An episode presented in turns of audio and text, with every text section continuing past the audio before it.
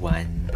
So podcast pada kali ini itu cukup spesial karena um, episode pada kali ini itu dibuat dengan sangat amat fresh ya. Jadi gue tuh tadi kepikiran buat ngebikin konten ini, buat ngebikin podcast ini dan kayak gue berpikir kayak kenapa gue agak bikin aja gitu loh. Jadi kayak gue tuh takut kehilangan ide ini makanya gue langsung nge-record ini cepet-cepet dan kayaknya gue rasa bahwa um, episode pada kali ini tuh akan cukup panjang. Gue nggak tahu juga sih ya.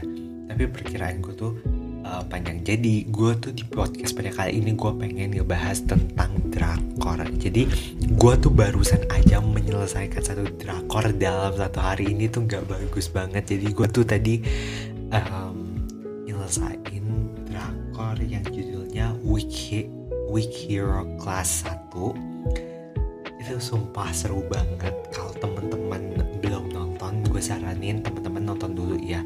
Karena gue bakalan uh, ngebahas tentang drakor ini gitu loh. Mungkin itu bisa menjadi segmen terbaru ya di podcast ini. Kita ngebahas tentang drakor. Jadi uh, kalau gue sendiri menurut gue personally uh, drakor ini tuh bagus banget bener-bener bagus banget. Dan gue tuh sangat amat rekomend kalau misalkan teman-teman itu nggak terlalu suka drakor yang kayak apa ya yang romance tapi kayak lebih suka yang kayak menantang dan juga kayak apa ya pokoknya uh, beda lah gitu loh. Nggak cuma cita-citaan doang. Gue sangat amat merekomendasikan drakor ini. Nah gue sendiri um, gue suka lebih suka um, drakor yang cenderung ke action gitu loh. So jadi kayak ini tuh gue tuh suka banget.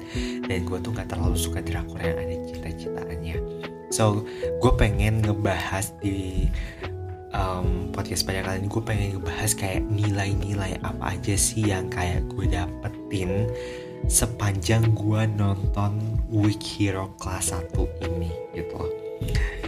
Uh, sebenarnya ada banyak banget.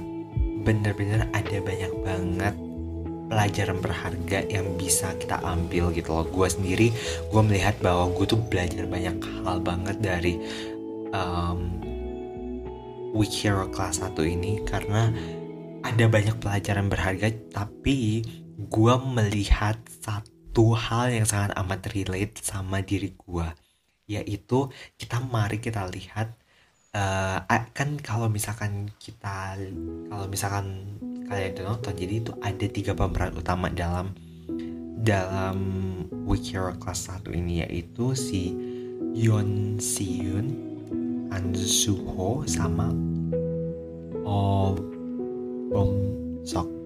Gue nggak tahu gimana cara pronunciasinya tapi gue pengen kita tuh sama-sama fokus sama si um, si siapa sih namanya Obom Sok. Karena literally gue merasa sangat amat relate dengan posisinya dia di drama itu. Dan juga dia itu kan yang kayak cukup menentukan episodenya episode episode episode terakhirnya itu ditentukan oleh dia gitu loh ya. Dia kan berperan banyak gitu loh di episode episode terakhir.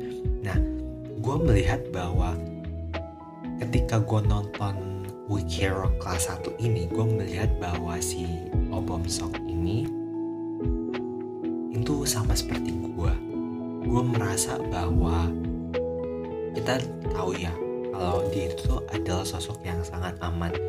Culun dia kayak apa ya dia bahkan badannya krempeng dia kayak pokoknya perawakannya lucu dan, dan segala macamnya.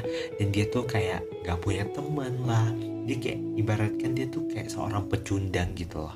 Dan gue melihat bahwa itu tuh sama banget kayak gue gue melihat kayak masa lalu gue tuh ada dalam seorang obomsok gitu loh.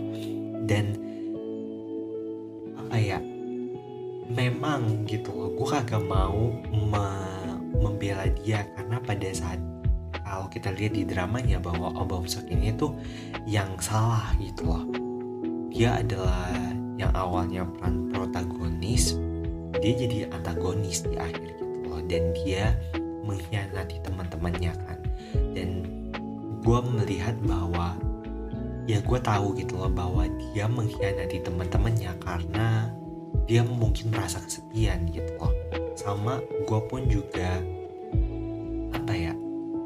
gue melihat bahwa dia tuh tuh kagak pernah dipilih gitu loh sama teman-temannya. Yang waktu si Anso Ansuho di dia kan dibawain dibawa ke rumah sakit. Dan itu tuh cuman ada si si Yongi sama si Yoon ya kan?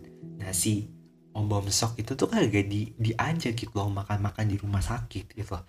Dan itu tuh kayak mereka ngepost itu tanpa si Obom Sok. Mungkin gue melihat bahwa si Obom Sok itu tuh kayak dia merasa bahwa dia tuh kagak dianggap gitu loh sama teman-temannya gitu loh. Dan si gue ngelihat juga bahwa si Ansuho itu pun juga agak ngefollow si Obom Sok gitu loh. Jadi kayak dia tuh nggak ngefollow back si Obom Obom Sok di di Instagram tapi si Obom Soknya udah ngefollow si Ansuho jadi kayak dia tambah-tambah merasa bahwa dirinya dia itu itu tuh nggak dianggap gitu loh dalam circle-nya mereka berempat gitu jadi kayak gue bener-bener amat sangat amat relate karena gue sendiri pun kayak gue merasa kayak oh gue udah klop nih sama nih orang gitu loh gue ngerasa kayak gue tuh udah cukup deket gitu loh sama orang ini gitu loh yang di mana uh, gue sama nih orang itu tuh udah di, bisa dibilang tuh cukup akrab lah. Tapi kayak kok nih orang tuh kayak kagak kagak kagak ngajak gue follow followan kayak dan gue personally gue tuh nggak pernah seumur hidup gue gitu ya kan. Ada orang yang kayak Instagram lo apa? gitu loh kayak apa nama Instagram lo gitu loh kayak follow followan you dan segala macamnya. Itu tuh jarang banget jarang banget ada orang yang kayak gitu. Tapi ketika si Obom Sok itu tuh pergi gitu ya keluar dari circle yang baik itu menuju ke circle yang buruk gue lupa dia nama geng-gengnya siapa. Si Yongbin iya ke geng-gengnya si Yongbin itu tuh dia mendapatkan validasi ya kan? Dia mendapatkan validasi ketika dia masuk ke circle yang jahat. Si orang-orang yang ada di circle yang jahat itu tuh mereka langsung nanya kayak eh Instagram lo apa? Kita follow followan you dan mereka tuh mencoba buat approach si Obom Sok gitu loh. Jadi kayak seolah-olah si Obom Sok ini tuh mendapatkan validasi. Dan dia tuh mendapatkan kayak oh ini loh orang-orang yang bisa menerima gue gitu loh yang bisa akrab sama gue gitu loh. Dia mendapatkan sebuah penerimaan gitu loh dalam kelompok yang jahat gitu. Walaupun memang dalam kelompok yang baik memang dia itu tuh tetap diterima gitu loh. Cuman permasalahannya si Obom Sok ini dia kayak diacuhkan gitu loh dalam gengnya. Dan dari situ gue belajar bahwa kayak oh iya kita bisa lihat juga ya gue lupa kita bisa lihat juga bahwa si Obom Sok ini pun punya masa lalu yang kelam. Dia pun juga diadopsikan sama sama keluarganya yang sekarang gitu loh. Dan apa ya bapaknya sendiri bapak angkatnya itu pun juga kayak memperlakukan dia tuh dengan kekerasan. Dan jadi kayak dia merasa bahwa nggak ada rumah gitu loh. Dia merasa bahwa dalam kehidupannya dia itu tuh nggak ada rumah kagak diterima di keluarganya keluarganya cuma bisa mencaci maki dia dan sekaligus memberikan dia kekerasan. Tapi ketika dia masuk ke circle yang baik dia seolah-olah diaduhkan gitu loh sama teman-temannya. So gue melihat bahwa kayaknya dia tuh nggak dia bener-bener yang kayak nggak merasakan apa itu rumah. Gue belajar gue belajar itu gitu loh. Dan gue merasa gue belajar bahwa ketika kita ketemu orang-orang seperti Obomsok hal yang bisa kita lakukan adalah dengan coba approach dia gitu loh. Coba untuk take care sama dia gitu loh. Mungkin kita melihat bahwa oh hidupnya dia tuh baik-baik aja. Dia punya keluarga yang sejahtera dia berasal dari latar belakang yang baik. Tapi kok kita ngelihat bahwa kok dia tuh kayak apa ya dia selalu merasa kesepian dia tuh selalu sendirian dan segala macamnya hal yang bisa kita lakukan itu adalah apa ya tetap berpikir bahwa kita dia dia perlu kita gitu loh. Dia perlu kita sebagai seorang teman dan dia perlu teman gitu loh. Dia perlu untuk ditemani karena mungkin aja kita nggak tahu gitu loh apa yang terjadi di uh, di hidupnya gitu ya kan. Apa yang terjadi di belakang kita nggak tahu yang kita lihat itu hanya di depan. Hal yang perlu kita lakukan menurut gue ketika kita ketemu orang-orang seperti Obom Sok itu adalah dengan take care sama dia gitu loh. Karena gue merasa bahwa ketika kita bisa take care sama orang-orang kayak Obom Sok ini kita tuh apa ya memberikan rumah lah bisa dibilang buat buat orang-orang kayak Obom Sok gue merasa bahwa ketika kita bisa take care kita bisa ngasih kasih sayang buat mereka apa ya memberikan penerimaan buat mereka itu tuh sangat amat berharga loh buat orang-orang kayak Obom Sok ini yang kayak kesepian, yang kayak gak pernah dianggap, yang selalu jadi second choice-nya orang-orang yang gak pernah dipilih, yang gak pernah punya teman akrab ataupun sahabat gitu ya. Menurut gue itu tuh penting banget gitu loh, kayak oh, buat orang-orang kayak Obom Sok. Mohon maaf kalau misalkan gue ngomong kecepatan tapi gue tuh takut ide di kepala gue tuh tuh hilang. Oke. Okay. Dan pada akhirnya dia memutuskan untuk berjalan di tem di di tempat yang sama ya dia tetap melanjutin rencana-rencana jahatnya buat menjahatkan si Ansuho dan kita tahu ya bahwa si Obom Sok ini dia itu adalah seorang homoseksual. Gue gak akan ngejudge dia karena gue gak akan pernah menjudge orang-orang homoseksual oke? Okay? dia adalah seorang gay di mana dia tuh suka sama si Ansuho ya kan? Kita bisa lihat kalau dia tuh suka nantepin Ansuho dia suka dia tuh kayak apa ya? Dia gue yakin dia punya perasaan gitu loh sama si Ansuho gitu loh cuman hal yang pengen gue pertanyakan itu adalah ini gue tanya ya buat teman-teman semua yang ngedengerin podcast ini apakah lu um, apakah lu tega gitu loh untuk ngebunuh crush lu sendiri? Apakah lu bener-bener tega membunuh apa ya orang yang lu sukai gitu loh. Lu punya perasaan nih sama nih orang gitu loh. Tapi nih orang tuh nggak nggak punya perasaan balik sama lu. Apakah lu akan berniat untuk membunuh orang tersebut? Ya mungkin lo akan berniat sih kalau lo psikopat. Tapi kayak kalau orang normal mungkin gak akan mencoba ya.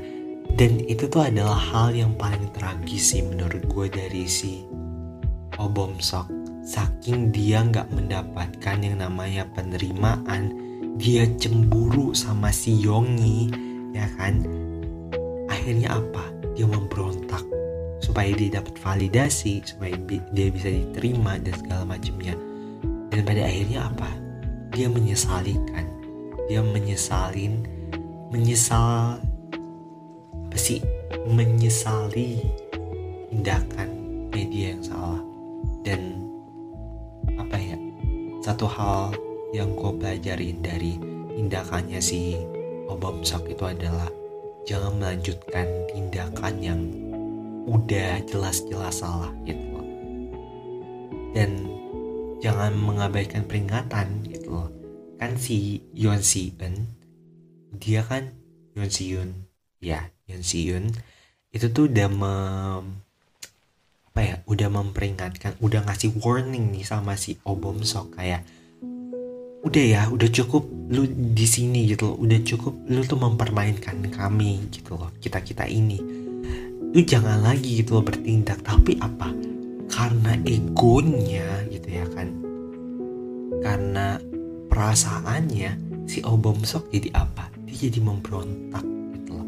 Padahal kayak udah dikasih tahu gitu loh kayak jangan ya jangan ya gitu loh. Tapi kayak dia tuh tetap aja mengacuhkan um, peringatan-peringatan itu gitu loh.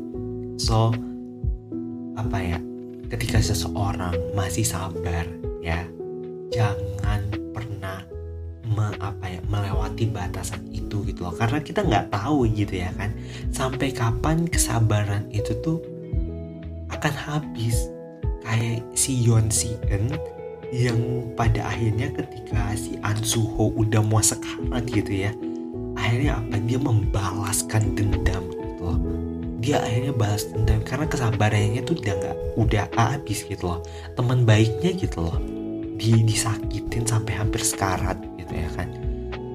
Dan menurut gue itu adalah sesuatu yang berharga. Suatu pembelajaran berharga itu loh.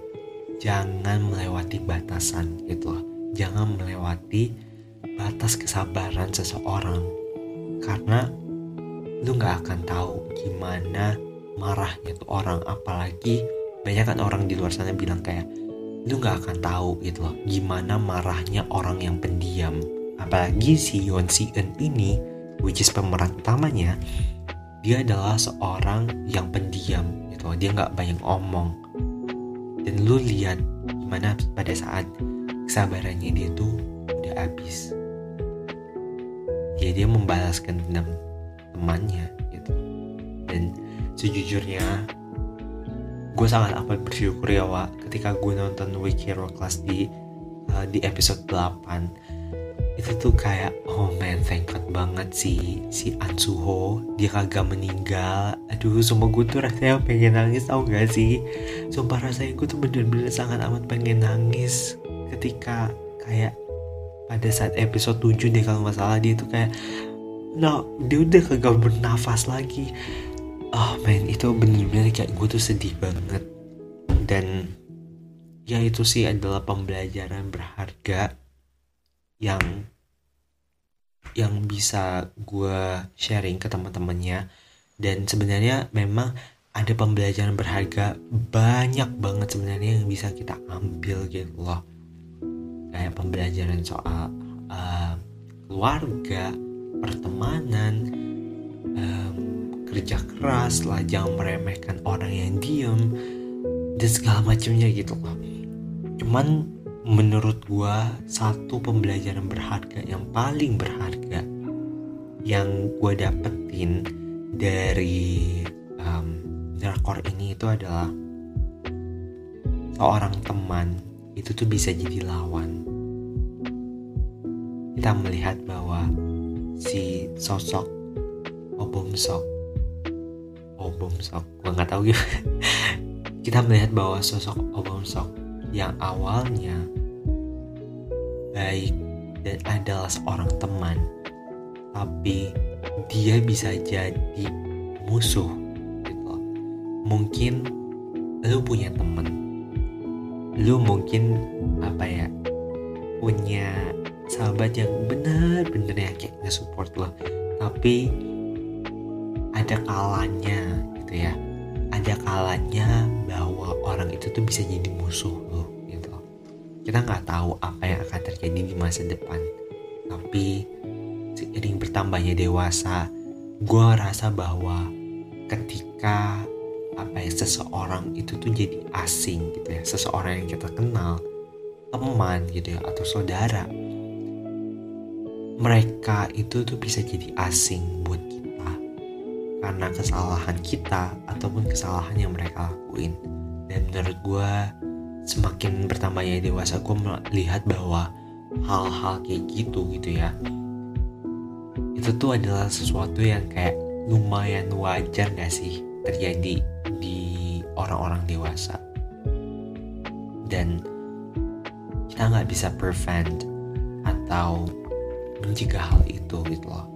Dan menurut gue lu patut bersyukur kalau misalkan ada orang yang mungkin kita uh, temen lu tuh jadi asing gitu loh sama lu gitu loh karena suatu masalah.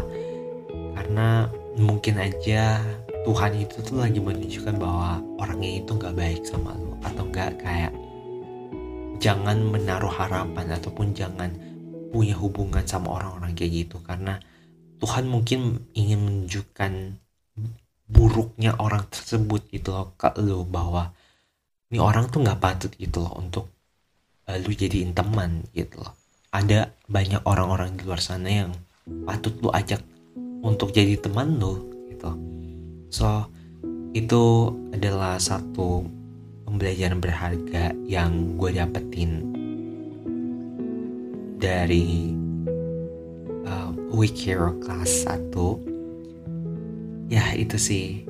Gue merasa bahwa kayak ini tuh bagus banget. Dan gue gak sabar untuk menunggu Week Hero kelas yang kedua ya kan? Karena itu kan dia kan pindah ke sekolah yang baru ya saya gue gue ingin menyaksikan gimana journey-nya dia di sekolahnya dia yang baru. Bagaimana perjuangannya dia dan segala macamnya oh man kalau kalian kalau teman-teman semuanya punya request kayak drakor apa sih yang pengen kita bahas bareng-bareng sama-sama lagi kalian bisa banget komen uh, di Spotify ini ataupun komen di Instagram ataupun DM di Instagram podcast ini yaitu di @berjalan bersamaku underscore podcast. Kalian bisa DM bisa bisa komen aja. Pokoknya kalau kalian ada request just request guys oke? Okay? um, pokoknya kita sama-sama ya diskusi bareng-bareng pembelajaran berharga apa lagi yang bisa kita dapetin? Pembelajaran berharga apa lagi yang bisa kita tarik dari mungkin film mungkin atau drakor ataupun ya yang lainnya lah ataupun mungkin buku. Kalian teman-teman semuanya bisa request aja. Jangan sungkan dan uh, maybe that's all and then said thank you so so much banget buat uh, teman-teman semuanya yang udah ngedengerin podcast ini sampai hak selesai dan gue tahu ini itu udah panjang banget itu udah 20 menit See you guys next episode. Bye. Love you all. Mwah, mwah, mwah, mwah.